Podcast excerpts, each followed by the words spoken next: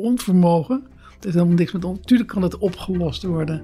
Het gaat, het gaat bij wijze van spreken om een paar handen vol mensen. Die zou je best fatsoenlijk kunnen, kunnen opvangen. Het is onwil. Het is politiek onwil. Welkom bij Wijsneuzen, de podcast van Trouw. Mijn naam is Frits van Ekster en ik probeer deze wereld beter te begrijpen. Ik heb zoveel vragen, maar ik hoor vooral lawaai. Waar zijn de echte antwoorden? In deze podcast zoek ik ze.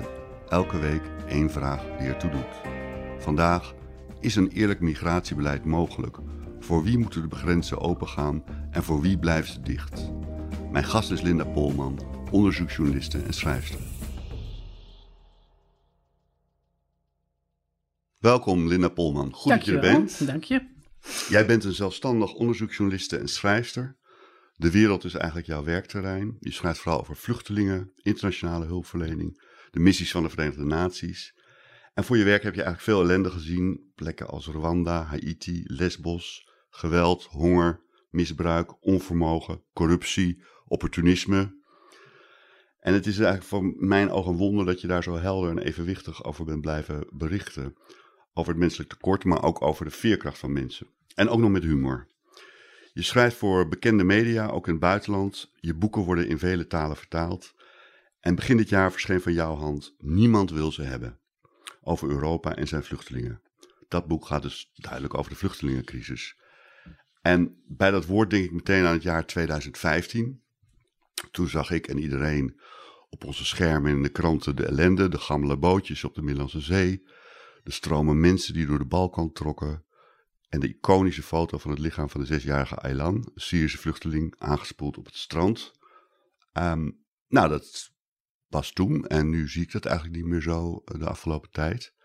Dus ik denk, ehm, is de crisis opgelost? Wat denk jij? Nou, ik denk dat de crisis zich verplaatst heeft. De crisis speelt zich nu af in Libische detentiecentra. En in de, in de tochten door de woestijn van migranten die eventueel op weg zouden willen naar Europa. In de kampen in Turkije, in kampen in Jordanië en, eh, en Libanon. Eh, daar, daar speelt ellende zich af. Plus dat de crisis weer behoorlijk aan het losbarsten is in, eh, in Griekenland. Hè. Er komen daar toch weer tienduizenden mensen per jaar aan. En waarom zien we dat toch niet? Ja, wij, de media, zijn er een beetje klaar mee. We hebben die beelden gezien. Eh, ze overtreffen die beelden van 2015, overtreffen, overtreffen we niet. En dus is het voor media minder interessant. En mensen zijn er ook klaar mee, denk ik. Ze hebben dus, dat, je, kunt dat soort spanningsbogen, zeg maar, dat mensen bewogen zijn door een bepaalde gebeurtenis, die zijn maar heel kort. Korte termijn aandacht, ehm, maak je dat kwaad of Nee, ik ben het wel gewend. Jij waarschijnlijk ook wel. Je weet dat het zo werkt.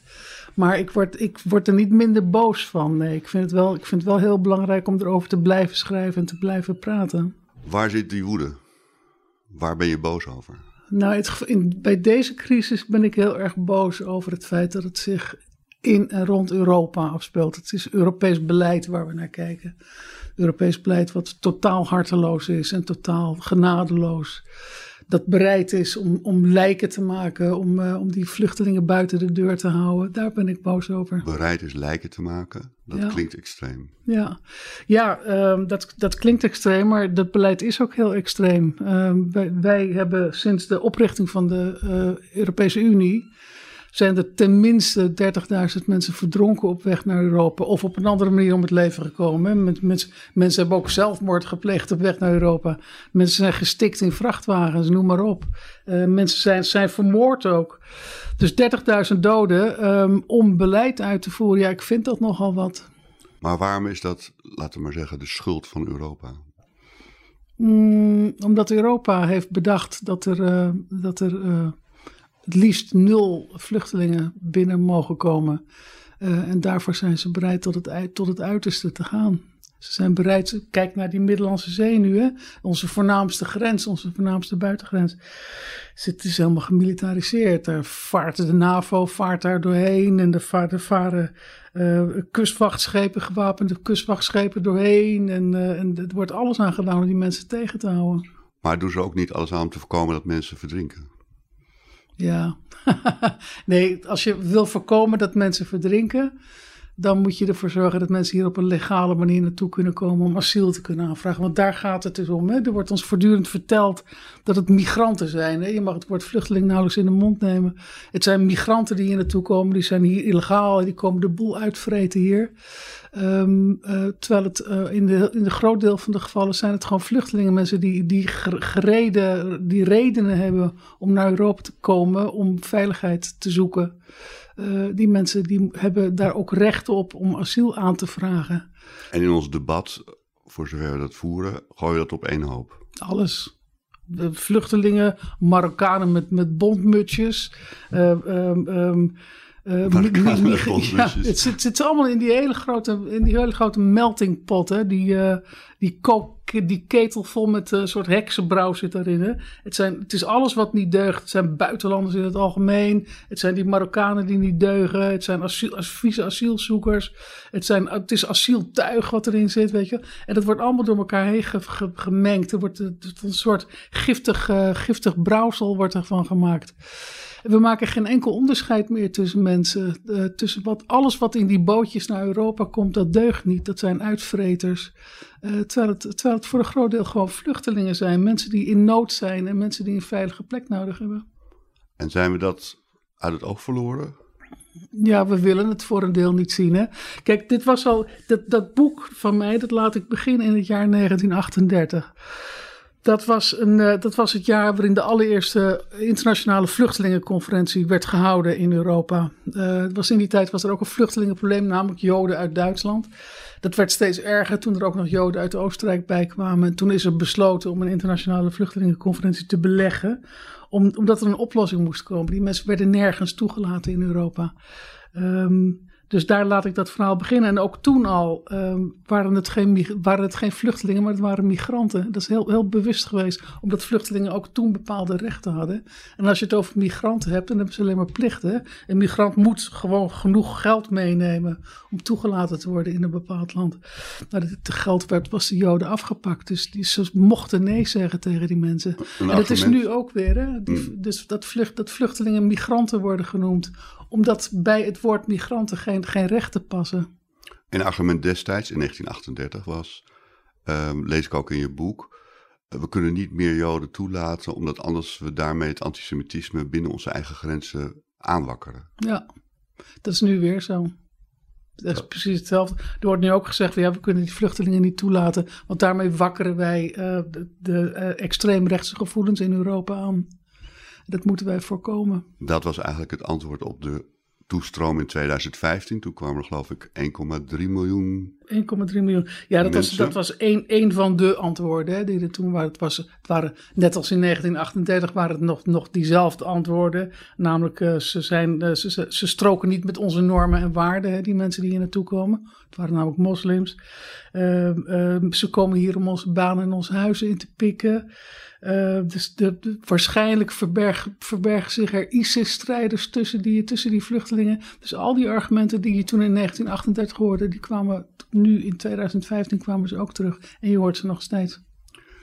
Ja, maar is het ook gemeen goed? Is dat ook, ik hoorde ook een Duitse bondskanselier zeggen, wie schaffen das, eh, ja. uh, waarin ze een beroep deed op, uh, ja. op onze menselijkheid om ze gewoon normaal op te vangen. Ja, het had een iets... Um, Um, um, uh, het, het, was niet alleen maar medemenselijkheid. Hè. Ze had wel degelijk een probleem op te lossen. Uh, er, was, er was een enorme klont van vluchtelingen ontstaan in Hongarije. Ja. Dat dreigde uit de hand te lopen. Toen heeft zij heel tijdelijk, heeft Merkel, de grens opengezet om die klont los te maken. Dat, wat, dat was een uitstekend gebaar. Dat getuigde van veel visie. Maar binnen een paar weken zat de grens van Duitsland ook gewoon weer op slot. Ja. ja. Maar kon je je wel voorstellen dat het gegeven dat er 1,3 miljoen mensen opgevangen moeten worden in Europa, tot een soort schrikreactie bij de Europese burgers leidt. En die weer doorwerkt naar de politici, naar de overheden. Nou, het was niet zo dat die vluchtelingen uit de lucht kwamen vallen. Hè? We hadden die stroom die er toen naar Europa toe kwam. Die hadden we jaren van tevoren hadden we hem kunnen voorspellen. iedere demograaf kan jou vertellen hoe vluchtelingenstromen verlopen. Ehm, en die vluchtelingenstroom uit Syrië die begon al in 2011, toen die, uh, toen die oorlog daar begon. Uh, toen kwamen er al tienduizenden mensen die, die, die, die verdwenen naar, naar, naar, naar buurlanden van Syrië. Die, die werden daar in kampen opgevangen. Dat waren er, dat waren er eerst waren het er eh, enige honderdduizenden in het eerste jaar. En in het tweede jaar waren het 2 miljoen. En in het derde jaar waren het er 4 miljoen, weet je wel. En ondertussen begonnen die kampen ook weer aan de andere kant leeg te stromen richting, richting via Turkije, richting Europa. Want er kwamen ook al tienduizenden vluchtelingen binnen in, Griekenland uh, in het jaar 2014. Dat was het jaar voor die crisis. Uh, dus we hadden, we hadden die, die, die stroom hadden we kunnen voorspellen. We hadden hem kunnen zien aankomen. Maar Europa heeft uh, expres de, de andere kant op gekeken. Maar desondanks kun je je voorstellen dat als er dan 1,3 miljoen komen, al dan niet door slecht beleid daar voorafgaand, dat mensen in een soort paniek raken van wat gebeurt er in onze samenleving? Ja, mensen wel. Alles staat op zijn kop. Mensen wel, maar ik vind niet dat, dat een leider zich dat mag permitteren om daarvan in paniek te raken. Als je bewust iets laat, iets laat uh, ontaarden, als je bewust iets laat, in, de, soep laat lopen, dan mag je daar niet verbaasd over zijn. Oh. Heel even terug naar Evian, jouw vergelijking met 1938, toen dus uh, eigenlijk alles op alles werd gezet om zo min mogelijk Joodse vluchtelingen op te nemen in diverse landen, waaronder Nederland. Die vergelijking is jou wel verweten dat die wel erg hard is, omdat je daarmee ook de associatie oproept met wat er daarna gebeurde met de Joden in Europa, de Holocaust. Wat vind je daarvan? Vind je die vergelijking eigenlijk in die zin te bruut? Nee. Het is een vergelijking die perfect past. Het is helemaal niet te bruut. Dat het, dat, dat uiteindelijk is uitgelopen op een holocaust, dat is iets anders. Ehm, wat, wat je toen zag was een opmaat naar een. een um, wat je toen zag was, was het, het, resultaat van, van, van bewust beleid van één groep mensen um, uit, uit de, de, samenleving tillen en, die, uh, en die hun burgerrechten afpakken. Uh, en dat heeft uiteindelijk geleid tot, tot, een, tot een holocaust, dat een aantal jaren daarna. Um, en dat, dat, dat zie ik dus nu weer gebeuren. Het, je, de islamofobie is volstrekt te vergelijken met antisemitisme van destijds. En dat, dat boezet mij ook zoveel angst in. Dat antisemitisme destijds was heel, heel gewoon. Hè? Dat is niet met Hitler begonnen. Dat was, dat was daarvoor was, waren, uh, was Europa en ook de Verenigde Staten trouwens. En Canada en Australië. Al die immigratielanden. Die, dat, daar, die, die, daar was antisemitisme heel erg ingeburgerd. Het was volstrekt normaal om, om tegen, bezwaren tegen Joden te hebben. Dat, dat werd verder niet onderdrukt. Er was geen beleid opgevoerd. Dat, mensen, mensen waren gewoon tegen Joden. Mensen vonden Joden geen, geen plezierig volk. Het hoorde er niet bij. Ze hadden rare feestdagen. Ze hadden rare neuzen en noem maar op. Ze hadden te veel geld. En, uh, dus het was heel normaal om antisemitisch te zijn. en in die sfeer Um, heeft, heeft uiteindelijk die, die, um, heeft het kunnen gebeuren dat, dat dat beleid is geworden. Dat Joden ook, uh, uh, dat Joden ook door de politiek gediscrimineerd mochten worden. En dat is wat we, waar we naar hebben zitten kijken tijdens, dat, uh, tijdens die Evian-conferentie. Dat, was, dat, dat, heeft, ja, dat heeft een geschiedenis gehad van jaren. waarin um, Joden waarin, de, waarin er geen plaats mocht zijn voor, voor in Europa voor Joden. Dat was niet alleen in Duitsland zo. Dat, was, dat was in heel Europa zo. Mensen hebben de deur op slot gedaan voor Joden. Niet voor andere mensen, maar voor Joden hebben ze die deur op slot gedaan. En dat gebeurt nu weer. Wij proberen onze deuren dicht te houden of onze grens gesloten te houden voor mensen voor wie we bang zijn. Of waar we niets mee te maken willen hebben. Of die ons leven zodanig uh, ons confronteren met zulke andere opvattingen en geloofsuitingen, dat we daar eigenlijk niet aan willen, die we zo ver mogelijk buiten de deur houden. Uh, ja, wij, wij hebben. Kijk, die, die, die angst en die, en die haat tegen, die, tegen die migranten op dit moment. Hè. Ik, ik maak gebaar met, uh, met uh, zogenaamde aanhalingstekentjes, omdat het vluchtelingen zijn. Ja. ja dus die vluchtelingen en, en die migranten onze bezwaren tegen die vluchtelingen en, en, die migranten, die beperken zich tot, tot de, de moslims daartussen. Wij hebben geen bezwaar tegen Amerikaanse migranten, waarvan we een heel grote groep in Nederland hebben. We hebben geen bezwaar tegen, uh, andere Europese migranten die naar Nederland toekomen, daar hebben we geen, daar hebben we geen problemen mee.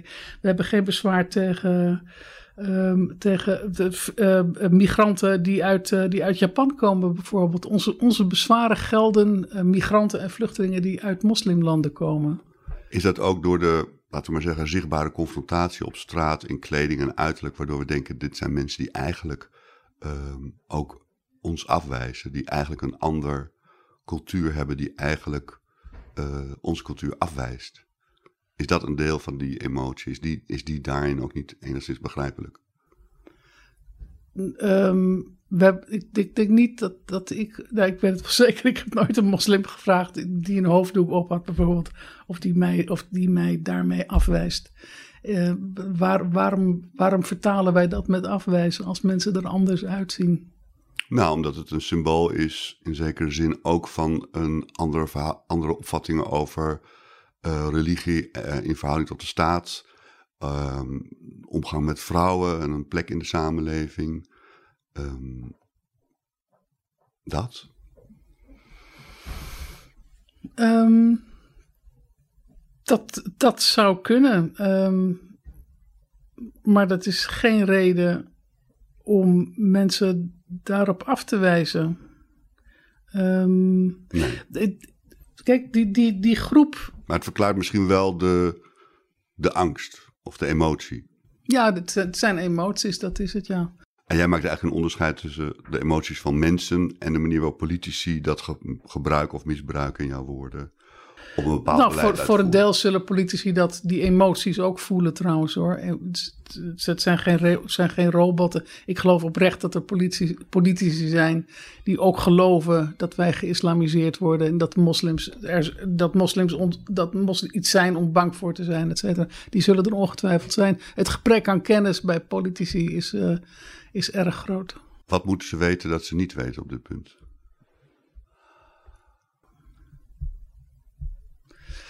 Um, ja, voor mij hoeven ze zich niet eens te verdiepen in de Koran of zo.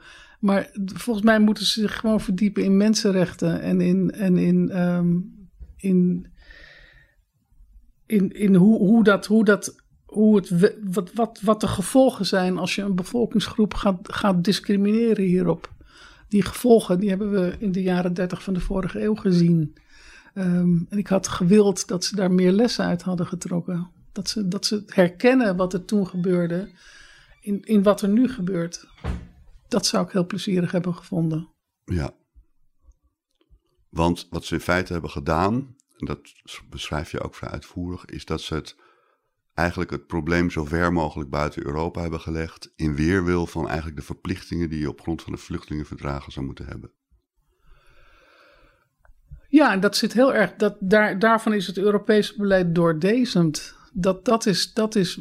En er wordt nauwelijks meer over nagedacht dat dat zo is of waarom dat zo zou moeten zijn. Wij willen vreemdelingen uh, zo ver mogelijk buiten Europa houden. En, en dus beginnen wij in Afrika, want ze komen allemaal uit Afrika. In Afrika beginnen wij al met het leggen van barrières en met het maken van deals met allerlei regimes die daar, die daar uh, het scepter zwaaien om mensen zoveel mogelijk daar tegen te houden. Vluchtelingenstromen die ontstaan in Afrika, die, die, die uh, leggen wij met man en macht om, om, om die te laten eindigen in kampen bijvoorbeeld. Um, um, wij betalen landen om mensen op te sluiten die naar, waarvan wij denken dat ze naar Europa willen komen. Uh, wij betalen Libië om mensen uh, op te sluiten, om ze uit Europa weg te houden. En de, de menselijke prijs, de humanitaire prijs die we daarvoor voor betalen, die doet er kennelijk niet zo heel erg veel toe. Want wat gebeurt er met die mensen in Libië? Ja, is verschrikkelijk. Um, er, zijn, er zijn veel gedocumenteerde um, uh, getuigenissen van. Hè? Uh, bijvoorbeeld de, door Médecins Sans Frontières, Artsen zonder Grenzen. Die hebben een periode gehad dat ze nog met schepen, met een aantal schepen rondvoeren op die, uh, op die Middellandse Zee. En, en ze, die hebben in de tijd gezegd, 2015, 2016, dat, dat, wel, dat ongeveer iedere vluchteling die zij uit zee haalden, uh, tekenen vertoonde van martelingen. En uh, Amnesty International en Human Rights Watch hebben die getuig, getuigenissen ook opgetekend. Um, mensen, worden, mensen worden gemarteld, mensen worden afgeperst. Um, uh, mensen, er, zijn, er is sprake geweest van dat ze zouden worden verkocht als slaven. Ja, kortom, ieder mensenrecht, ieder vluchtelingenrecht wordt daar geschonden in die gevangenissen. En, dat is, en, dat is, en dan gaan we nog voorbij aan het feit dat een vluchteling helemaal niet in de gevangenis thuis hoort. Weet je, een vluchteling heeft recht op zijn vrijheid en zou asiel moeten kunnen aanvragen in plaats van dat ze worden opgesloten. Ja. Uh, dus, dus dat, ja. En de, de deal met Turkije, waarin we dus met Turkije hebben afgesproken, jullie uh, vangen de meeste van de Syrische vluchtelingen, met name de Syrische vluchtelingen op, houden jullie in kampen. En uh, alles wat er uh, toch doorheen komt met een bootje, dat mogen we terugsturen. En in ruil daarvoor vangen we wat mensen op. Um, die lijkt er te werken in de zin dat in 2015 we het nog over 1,3 miljoen mensen hadden. En in 2018 over beduidend minder. Ja, vanuit het perspectief dat je wil dat er minder mensen komen, lijkt die te werken. Um, ja, je kunt je ook afvragen of de, de grote stroom na 2015 sowieso opgehouden zou zijn. Hè? Er, was, er was een groep mensen op weg naar Europa. En het is niet zo dat die groep alleen maar, is alleen maar groter is geworden en dat ze allemaal naar Europa wilden komen. Maar goed, afgezien daarvan. Uh, ja, je kunt mensen met heel veel geweld en met heel veel, en met heel veel intimidatie kun je mensen aan, aan land houden. Een aantal mensen. En dat is wel gebeurd, ja. Die Turkse kustwacht is behoorlijk tekeer gegaan. Om mensen daar te houden. Ja. Maar goed, dus zie je dat nu um, zijn die kranen van vluchtelingen zijn toch weer opengezet omdat Erdogan iets van ons wil. Hij wil, geld, hij wil dat wij meebetalen aan de opvang van die vluchtelingen. Hij wil militaire steun voor zijn avonturen in Syrië. We worden in feite gegijzeld door mensen zoals hij en andere dictatoren in, uh, in uh, ja. Midden-Oosten en Noord-Afrika. Ja, Marokko is ook een heel goed voorbeeld daarvan. Hè? Marokko uh, houdt ook vluchtelingen voor ons tegen. Um, en die, die, daar betalen wij ook veel geld voor. Iedere keer als Marokko meer geld wil, dan gaat die kraan open. In 2018 kwamen de meeste vluchtelingen via Marokko naar, naar Europa toe. En nu gaat die kraan weer dicht, omdat we hebben toegegeven, we gaan toch weer meer geld aan Marokko betalen. Ja. En stellen we daarbij geen voorwaarden aan hoe met die mensen moet worden omgegaan? Nee, want dus dat, dat is verder dat, aan de, de, de kampbewakers ter plekke, zeg maar. Ja, dat is, dat is uh, die landen zijn gewoon soeverein. Die mogen omgaan met mensen zoals zij dat willen. Dus we, we roepen wel van, uh, we, hopen, we hopen dat u het een beetje netjes doet. Maar wij hebben daar geen zeggenschap over en het interesseert ons ook niet echt. Nee, als het maar buiten de deur blijft. Ja. Dat is eigenlijk een beetje de rode draad Ja. vanaf 1938 zou je kunnen zeggen. Ja, ja. Nou, dat vind ik heel treurig. Ja, Voor een continent wat eh, toch beschaving hoog, eh, hoog in, in, zijn, in zijn vaandel heeft geschreven. ja. eh, vind ik dat een hele alarmerende constatering. Jij bent ook op Lesbos geweest. Ja. Ehm, nou, dan heb je de ellende daar gezien van de overvolle kampen. En daar, is, daar, daar word je eigenlijk con- geconfronteerd met onvermogen van de EU-lidstaten onderling om het te verdelen en op een manier op te lossen die On- onvermogen. Onvermogen. Het heeft helemaal niks met. on- Tuurlijk kan het opgelost worden. Het gaat, het gaat bij wijze van spreken om een paar handenvol mensen. Die zou je best fatsoenlijk kunnen, kunnen opvangen. Het is onwil. Het is politiek onwil. Ik, ik, weet, ik weet nog dat Frans Timmermans, die eurocommissaris, die kwam daar in 2000, ik meen 2017, die kwam die kijken in dat, in dat ene afschuwelijke kamp in, eh, op Lesbos, kamp Moria. Ja, Die ging daar ook kijken. Nou, hij vond het allemaal heel erg wat daar gebeurde. Echt de drollen die dreven door, door, door die, eh, door die, eh, tussen die tenten door. letterlijk. Ja, echt verschrikkelijk. Het is, het is daar zo smerig. Ehm, en eh, die vond het allemaal heel erg voor ze. En dat ze, echt- hij sprak die vluchtelingen ook toe. Hij vond het allemaal heel erg voor ze. Maar dat Europa ervoor zou zorgen dat die mensen uit het kamp weggehaald zouden worden. En, en elders in Griekenland ondergebracht zouden worden. Dat was toch dat was niet bespreekbaar, zei hij. Want het zou een verkeerd signaal geven aan mensen die nog naar Europa toe zouden willen komen. Aanzuigende werking. Ja, inderdaad. Ja, ja ik, ik vind dat statement waar ik helemaal koud van word. Hij, Ja. hij hoort het zichzelf niet eens zeggen, weet je. Ja, maar dat is dan, die mensen moeten dienen als, als levende vluchtelingenverschrikkers. Het maakt het leed wat die mensen doormaken, maakt niet uit. Er zijn in de wereld Hoeveel ontheemden denk je dat er zijn? Weet je dat toevallig? Je, we moeten altijd uitkijken met cijfers, maar 80 miljoen, 70 miljoen. Mensen Zeven. die zeg maar officieel ontheemd zijn. Ja, Daarvan zitten de 70 miljoen. meeste binnen hun eigen land op een andere plek dan ze. Ja. zijn ze op de vlucht geslagen en binnen hun eigen land elders terechtgekomen. En een groot deel zit eigenlijk ook in kampen waar ze, ja, hebben ze daar perspectief. Want deze mensen zitten dan eigenlijk, zolang ze nog niet weten te ontkomen naar Europa, ehm, vast. Ja, weet je, met die kampen is er is iets aan de hand. We noemen die mensen vluchtelingen, we noemen het ook vluchtelingenkampen. Eh, maar die mensen zijn, eh, eh, het is een speciale categorie vluchtelingen. Dus prima facie vluchtelingen zijn dat. Dat zijn mensen die met een hele grote groep, hè, dus ergens oorlog, en dan gaan die mensen lopen, die gaan, die gaan op de vlucht. Die mensen komen in een hele grote groep, komen ze een grens over Ja. en worden daar opgevangen in kampen. Eh, dat zijn de prima facie vluchtelingen en eh, dat betekent op het eerste gezicht. Hè, het VN-vluchtelingenverdrag zegt namelijk dat iedere vluchteling afzonderlijk individueel ehm, ondervraagd moet worden. En eh, er moet achter, wij moeten erachter zien te komen of dat een echte vluchteling is. Nou, omdat deze mensen in enorme groepen komen, gebeurt dat dus niet. Dus die mensen worden opgevangen in kampen. En die kampen zijn heel erg tijdelijk bedoeld. Hè. Ze mogen daar zitten onder een stukje zeil. En ze krijgen wat eten van het, van het World Food Program. eh, totdat, het thuis, totdat het weer veilig genoeg is thuis om terug naar huis gestuurd te worden. Ehm, maar dat gebeurt dus niet. Mensen, mensen landen in die kampen, men- mensen komen naar die kampen toe en blijven. De gemiddelde tijd in die kampen is 17 jaar. Hè? 17 dat ze daar zitten, ja. Ehm, en dat komt voor een heel groot deel komt dat omdat Europa, wij betalen die kampen. Hè? Laat ik dat er nog even bij zeggen. Europa is de grootste donor aan de UNHCR en is de grote donor aan het, aan het World Food Program. Dus wij, wij betalen die kampen. Ehm, ehm, en dat, dat, dat, dat wij, dat, dat die, mensen niet naar huis kunnen, dat komt voor een deel omdat wij onze belangstelling voor die mensen verliezen. Op het moment dat ze in die kampen zitten. Immers, hun, het is opgelost voor ze. Ze hebben een stukje zeil om onder, om onder te zitten. Ze hebben hun natje en ze hebben hun droogje. Dus wij zijn klaar met dat probleem. Wij zoeken dan niet meer naar een politieke oplossing voor wat er daar in die thuislanden van die mensen gebeurt. Dus daarom duurt het zo ontzettend lang voordat die mensen eventueel naar huis kunnen komen. 17 jaar, maar er zitten ook al mensen, generaties in die kampen. Deze mensen, omdat het prima facie vluchtelingen zijn, hebben ze geen vluchtelingenrechten. Dus ze kunnen nooit asiel aanvragen waar dan ook. Ze hebben, ze hebben niet eh, het recht op bescherming in andere landen. Ze zijn volledig afhankelijk van die donorlanden aan de UNHCR. En van de, van de landen die, die hun gastheer zijn. Ehm, en, en deze mensen zijn geen, zijn geen vluchtelingen. We noemen ze wel vluchtelingen. Dus die mensen, heb, die mensen kunnen helemaal nergens naartoe. Ze mogen die kampen ook niet uit. Het is volstrekt perspectiefloos. Nee, ze mogen niet werken. Het is helemaal perspectiefloos wat er met, waar, waar die mensen in zitten. Ze kunnen niet werken. Ze kunnen hun kinderen niet naar school sturen tenzij, tenzij in zo'n kamp er een school is.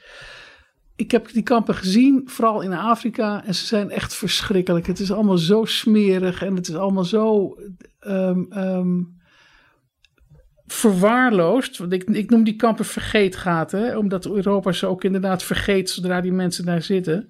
Ehm, die, die, de, dus, er is daar geen perspectief voor mensen. Ze, ze, hebben, ze hebben niets om naar uit te kijken. Ze hebben niets om op te hopen. Ze moeten wachten totdat er ergens iemand een, een besluit neemt over hun lot. Eh, dat zijn En dat verschrikkelijke orden. eigenlijk niet of zelden. Ja, soms, soms, soms druppelen wordt, een wordt land, eh, soms wordt een land eh, eh, het, het zat dat zo'n kamp er is. En dan wordt zo'n kamp gesloten en dan worden die mensen weer teruggeduwd de grens over. En dan komen ze eventueel in, in weer andere kampen terecht. Maar oplossingen of een perspectief voor die mensen is er niet. Het is verschrikkelijk. Die mensen, die mensen zitten te wachten tot iemand zo'n besluit neemt. Als jij spreekt over vluchtelingen, denk je dan ook aan bijzondere mensen? Individuen bedoel je? Ja. Ja, ik heb, de, ik heb een aantal eh, vluchtelingen ontmoet. Die, die, die hebben wel een plekje in mijn hart gekregen, zeg maar. Zo, nu ook, hè. Een, aantal, eh, een klein aantal vluchtelingen uit Syrië bijvoorbeeld. Die, eh, Kun je een voorbeeld noemen van iemand waarvan je zegt zijn verhaal of haar verhaal heeft mij een plekje in mijn hart meegekregen? Uh, ja, ik ontmoette hier een, uh, een, man, die heb ik ook gesproken voor, voor, voor mijn boek. Die was jeugd, jeugdarts, kind, kinderarts was die in, uh, in Syrië. Die heeft me zijn hele, hele verhaal verteld over wat er met, met, met hem gebeurd is sinds 2011. En toen begreep ik ook, um, um, ik, ik, begreep beter wat, wat er daar gebeurd was door wat hij mij vertelde. Die, die, die Assad heeft een heel duidelijk beleid gehad om mensen het onmogelijk te maken om in Syrië te blijven. Het is echt een, een, een, een, beleid geweest om mensen het land uit te jagen. Het is echt een etnische schoonmaak geweest. Uh, deze man, hij was kinderarts en de bedoeling van Assad is geweest om daar de hele medische, de hele volksgezondheidszorg uh, uit te roeien. En daarom werd deze arts, was ook, uh, die was ook echt doelwit. Um, um, die, die, die moest weg uit, omdat, hij, omdat hij bedreigd werd en omdat hij, omdat hij, uh, hij werd, werd ook op hem geschoten. Dus hij, moest hij moest weg waar hij zat. En uiteindelijk is hij in Turkije terechtgekomen en uiteindelijk is hij in Europa terechtgekomen. Dus die man is echt dat land uitgedreven. Dat vond ik wel een, uh, dat vond ik wel een heel aangrijpend verhaal. Um, ik heb een andere vluchteling ontmoet en die had een verhaal over een bootje wat ik nooit zou, zal vergeten. Die zat uh, die met zijn bootje naar Griekenland toe vanaf een Turks strand. Um, en um, uh, die had uh, vlak voordat hij dat bootje besteeg, had hij een hartaanval gehad. Jonge vent was dat. Nou, daar was hij van hersteld. Toen is hij in dat bootje gaan zitten naar, naar Europa toe. En onderweg scheet dat bootje ermee uit. Die, die motor viel uit. En toen is hij uh, overboord gesprongen en is die boot gaan duwen. Uh, uiteraard heeft zwemmend. Hij, ja, zwemmend, ja. En uiteraard heeft hij die boot niet uiteindelijk doen landen op een Grieks eiland. Dat waren andere factoren. Maar die man was totaal herboren toen hij op dat Griekse eiland aankwam. Van, yes, dat heb ik even gedaan. Dus dat vond ik ook een, een, een mooi en aangrijpend verhaal. Maar ik heb ook wel vluchtelingen ontmoet in, in Afrika. Um, met wie je dan een ander soort contact hebt. Um, maar mensen die, die daar zo ver, verloren zaten. En die, die, die, hun, die geen, geen ambities meer hadden. Waar ze gestrand on- onderweg naar Europa. Die ja, nee, die waren niet onderweg naar Europa. Die waren gewoon gevlucht van, van, van hun huis. Die moesten weg uit, uit, hun, uit hun land. En die zijn daar geland in zo'n, in zo'n UNHCR-kamp. En die zaten daar al jaren. En uh, die mensen die hadden gewoon helemaal do dode ogen. Die, uh, die, die, hadden, die hadden nul hoop en nul, uh, nul ambitie. En dat vind ik ook wel heel erg, ja. ja jong, jonge mensen. Um, sommigen waren ook geboren in zo'n kamp, weet je wel. En dat zijn hele nare, nare verhalen. Maar dat zijn de verhalen die we eigenlijk niet meer willen lezen of horen of zien. Nou ja, dat omdat weet de ik niet. spanningsboog een beetje ingezakt is. zoals Ja, in ik weet niet. Ik blijf geloven dat uh, voor een goed verhaal is er altijd plek. dat blijf ik maar geloven. Ik denk dat als, uh, als, als jo- journalisten die verhalen um, uh, goed zouden opschrijven, uh, dat er dan nog steeds wel uh, lezers te vinden zijn. Ja. Nou is dat natuurlijk ook je eerste taak als journalist. Beschrijven wat er gaande is, dat onderzoeken, zoals jij dat doet met een lange adem. Dus het is eigenlijk misschien niet eerlijk om aan jou te vragen hoe, hoe gaan we dit probleem eens even oplossen. Maar toch wil ik je vragen, als je denkt over wat er nu niet goed gaat um, en hoe Europa met name het hele vluchtelingenprobleem probeert krampachtig zo ver mogelijk buiten de deur te houden met alle schaduweffecten van dien die je net hebt beschreven. Wat zou beter zijn? Wat zou een verstandiger en beter beleid zijn? Ja, je moet dan te beginnen weten waar je nou precies beleid op voert. Je moet weten om hoeveel mensen het nou eigenlijk gaat. Om hoeveel migranten gaat het, om hoeveel vluchtelingen gaat het. En als je die cijfers leest, dan valt het allemaal nogal mee. En dan vind ik het, het beleid daarop vind ik nogal overdreven. Ik vind uh, eigenlijk dat het te veel beleid is nu. Ja, veel te veel. Ja. Weet je, het gaat helemaal niet om, uh, om dramatische cijfers. Hè. In de afgelopen, nou pakweg kwart eeuw, uh, ontving Europa ongeveer net iets meer dan 100.000 vluchtelingen per jaar. Vluchtelingen. Ja, ik vind dat verwaarloosbaar. Als je die mensen verdeelt over die 28 lidstaten, dan blijft er zo goed als niks over. Dan blijft er zo'n 3500 mensen per, per jaar, per lidstaat blijven er over. Ik vind dat Europa dat moet kunnen opbrengen voor een vluchtelingenprobleem. Als, als, als, we, als we even met elkaar eens zijn dat er 70 miljoen vluchtelingen op aarde zijn, dan moet Europa er 100.000 per jaar kunnen opvangen. Dat zou ja. je zeggen, ja. ja. Het probleem is alleen dat het onderscheid tussen vluchtelingen, migranten, asielzoekers, gelukzoekers ehm, niet meer zo gemaakt wordt. En jezelf zegt ook dat het onderscheid eigenlijk moeilijk te maken is. Als ik, het, als ik je goed heb begrepen. Nou ja, je hebt de echte migranten die komen hier op uitnodiging van de firma Philips, komen die uit Amerika aanvliegen. Precies, ja. Dus dat zijn, dat zijn migranten. Ehm, daar hebben, wij ook, daar hebben wij ook geen bezwaar tegen. Alleen worden die mensen wel opgeteld bij die cijfers die eigenlijk over, over islamvluchtelingen gaan. Plus de mensen die uit Oost-Europa intern binnen de EU zich ook nog verplaatsen. Ja, ja. Ja, dus wij, wij denken dat wij worden overspoeld door een oncontroleerbare uh, migrantenstroom. Maar waar onze bezwaren tegen uitgaan, wat wij niet willen, dat is die hele kleine groep vluchtelingen die hier naartoe komen. Wij denken dat er miljoenen vluchtelingen per jaar naar Europa komen. Maar dat is dus niet zo. Dit is een hele kleine groep vluchtelingen en een grotere groep migranten. Dus die cijfers die zouden uit elkaar getrokken moeten worden. Dat we ons realiseren dat als het over 4 miljoen migranten gaat, dat het dan, dat het dan Europeanen zijn en Amerikanen en Japanners en Israëliërs en, en Indiërs en noem maar op. Dat, dat, dat is dat. En dan die getallen moet je uit elkaar trekken. Dan hou je die vluchtelingen over. Um, en daarvan zou je dan moeten gaan kijken naar hoeveel mensen daarvan daadwerkelijk. Um, dat, hoeveel mensen daarvan daadwerkelijk is, uh, um, uh, moslims zijn. En hoeveel daarvan, mensen daarvan daadwerkelijk van IS zijn. En et cetera. Als je die cijfers uit elkaar gaat trekken, dan krijg, dan krijg je tegen een hele andere uh, samengestelde groep aan. Maar dan krijg je een papieren werkelijkheid. Terwijl de beleving daar hadden we het al eerder over. Ja, maar die beleving... Voor veel mensen anders is. Die beleving, wat, wat, welke beleving is dat dan? Is dat dan iets wat ze zich op tv laten vertellen? Of is dat iets wat ze daadwerkelijk beleven in, in, in hun buurt? Het zou allebei kunnen zijn. Het is ook heel moeilijk om te generaliseren, denk ik. Maar eh, deels is het natuurlijk een soort tijd waarin mensen het gevoel hebben dat er onzekerheid is over van alles en nog wat. Um, dat gaat van wat er in je buurt gebeurt, die verandert van samenstelling bijvoorbeeld. Waar je niet altijd meteen uh, het er gezelliger op wordt voor, voor sommige mensen. Het geldt voor wat je leest in de krant over wat er aan de grenzen van rondom Europa gebeurt. Het gaat over wat het klimaat gaat doen. Het gaat om krijgen mijn kinderen het slechter dan ik het nu heb. Het is een soort optelsom, snap je? Denk ik wel eens waarin zij um, helaas misschien die kleine groep waar jij het dan over hebt, de vluchtelingen met een grote V, um, in meegenomen worden of symptoom zijn. Ja. Uh, van iets wat je eigenlijk niet wil, wat je zij, buiten zij, de deur wil houden. Het, wij niet onlangs ook dat vluchtelingen het probleem zijn van de stikstofproductie. Ja. ja, dat, ja maar dat, dat, ja, omdat het niet waar is, zouden wij leiders moeten hebben met een visie daarop? Zouden wij leiders moeten hebben die, daar, die, dat, die dat recht zetten? Maar onze leiders kruipen veel eerder tegen die rechtsextremistische hoek aan omdat ze bang zijn voor de volgende verkiezingen. Wat zouden ze dan moeten zeggen, nog los van wat ze moeten doen, die leiders? Nou, laat ze om te beginnen eens naar die feiten kijken. Laat ze zelf eens naar die feiten kijken, naar die cijfers kijken. Ja. Ja. En, het, en het ons dan uitleggen waar wij precies naar kijken. Maar, maar deze groep vluchtelingen de schuld van van alles en nog wat geven, dat is fataal.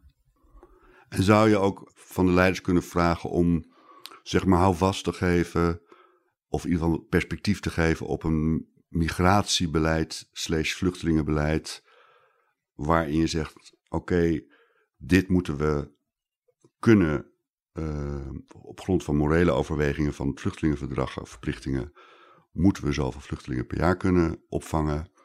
En daarnaast hebben we ook voor onze arbeidsmarkt zoveel migranten ongeveer nodig. Op specifieke plekken, een beetje ja, in grote trekken het Canadese model. Zou dat iets voor een land als Nederland zijn? Voor een heel groot deel hebben we dat al.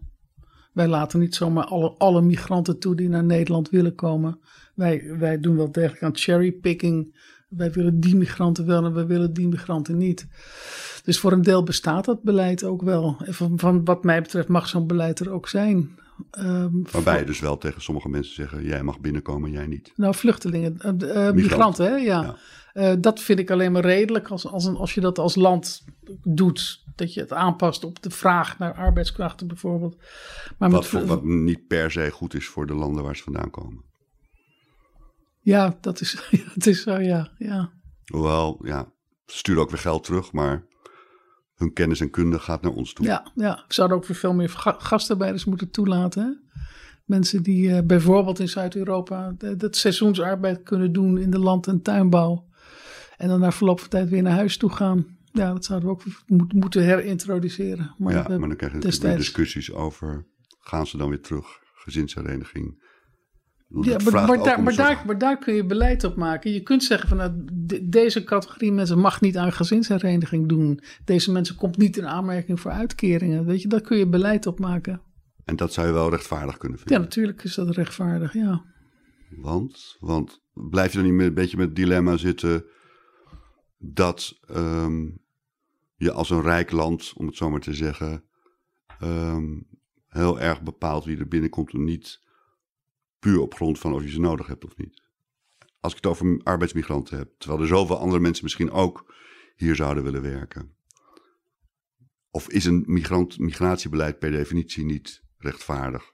Moet je het puur als een praktisch, pragmatisch eh, instrument zien? Mm, Of is het weer een vraag die ik niet goed formuleerde? Want ik zie je zo denken. ja, ja, weet je, ik vind dat, een, dat, dat landen. Jij vindt het vrij vanzelfsprekend dat een land zo ermee zoals Canada bijvoorbeeld, Ja, dat vanuit die principes ermee Ja. omgaat. ja, Als het maar helder is. Ja, dat vind ik wel, ja, ja. En- Ik vind alleen de categorie vluchtelingen, ja, dat moet je echt laten afhangen van wat het aanbod is van vluchtelingen, zeg maar. Die mensen hebben gewoon recht op een veilige plek. Dat hebben we met z'n allen zo afgesproken. Ja, dat dat zo is. En in het algemeen vind ik dat Europa een, ehm, een menslievender beleid zou moeten voeren. als het bijvoorbeeld gaat over Europees wapenexport. Ik bedoel, mensen gaan op de vlucht voor wapens. Dat is het vaak. Ook als mensen, als er ergens eh, een klimaatprobleem is, dan ontstaat, daar, dan, dan ontstaat daar een conflict om land en om water. Het wordt, conflict wordt uitgevochten met onze wapens. Eh, Amerika is en blijft de allergrootste wapenproducent en de wapenleverancier ter wereld. Maar Europese landen zijn nummer twee. Wij verdienen miljarden met wapens. Daar moet je wij dan ook naar aan kijken. conflicten die leiden tot vluchtelingenstromen. Ja, en daarna verdie- verdie- verdienen wij aan de beveiliging tegen die vluchtelingen. Ja, Hoe verdienen we daaraan? het is een enorme eh, beveiligingsindustrie.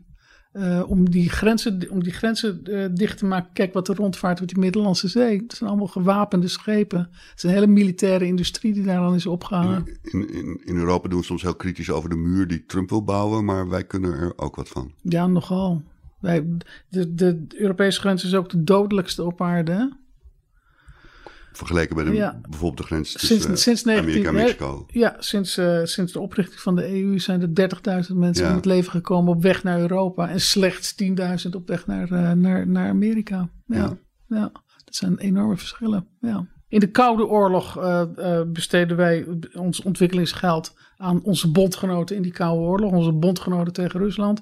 In de oorlog eh, tegen de islam eh, hebben wij eh, ons geld besteed in landen die onze bondgenoot waren in de War Against Terror. Ja, En nu besteden wij ons geld aan landen die ons helpen in onze war against migration. ja, Zo simpel ligt dat. Ja. ja. ja. En dat is, ehm, ehm, ja, dus in die zin is Europa nog net zo cynisch als toen. Erg hè? Ja, ja dat, dat is vrij onthutsend. Misschien dat dat ook de realiteit is. Wij, wij, we zijn niet op de wereld om elkaar te helpen. We zijn op de wereld om zelf te overleven en om onze eigen belangen te vertegenwoordigen. Dat, dat is wat landen doen. En voor een deel ook moeten doen. En het debat nu lijkt het te gaan tussen de uiterste. De grens moet open, de grens moet dicht.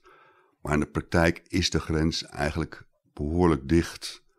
En als die open gaat, heeft het toch meer met eigen belang te maken dan met andere belangen. Ja, dat verhaal dat eh, wij een slachtoffer zijn van een massale, ongecontroleerde eh, massa-immigratie. Dat is dus echt, echt flauwekul. Ja. ja, die hele ploeg die roept van gooi die grenzen open en iedereen moet, moet kunnen komen. Dat, dat, is, dat, is, dat, hoeft, dat hoeft ook niet. Maar eh, ik vind wel dat Europa een reputatie hoog te houden heeft als het gaat om een menselijk eh, vluchtelingenbeleid. Omdat het maar om zo weinig mensen gaat. En die mensen die verdienen een plek, die verdienen een veilige plek. Veilige plek om je kinderen eh, groot te laten worden. Ehm, en die die, en dat is het minste wat, wat we kunnen doen, gezien onze rol in al die oorlogen en conflicten. In 1992, 93, toen die EU werd opgericht, waren er 32 gewapende conflicten en oorlogen gaande. En in zo goed als allemaal speelde Europa een rol. Ze leverden de wapens aan, of ze betaalden mensen om die oorlog te voeren, of ze vochten daadwerkelijk mee. Ehm, en dat heeft die enorme vluchtelingenstromen gecreëerd, waarvan de meeste niet naar Europa zijn gekomen. Die zijn in hun eigen land gebleven of die zijn één landje opgeschoven. Maar Europa heeft daar een rol in gespeeld en die verantwoordelijkheid ervoor, die moeten wij nemen. Dank Linda Polman. Ik ben wijzer geworden. We moeten weg van de emoties. Het gaat niet om een open of dichte grens. We moeten weer goed naar de werkelijkheid leren kijken. Het aantal vluchtelingen dat Europa bereikt is beperkt. Als alle landen meedoen kan een opvang geen groot probleem zijn. En wat migranten betreft zijn we al heel streng. Het zou fijn zijn als we in het debat daar duidelijker over zijn. Dank aan de luisteraars. Mijn naam is Frits van Ekster. De techniek was in handen van Daan Hofstee. De volgende keer zoeken we antwoord op de vraag: de machtsverhoudingen in de wereld veranderen. Wat betekent dat voor het kleine Nederland?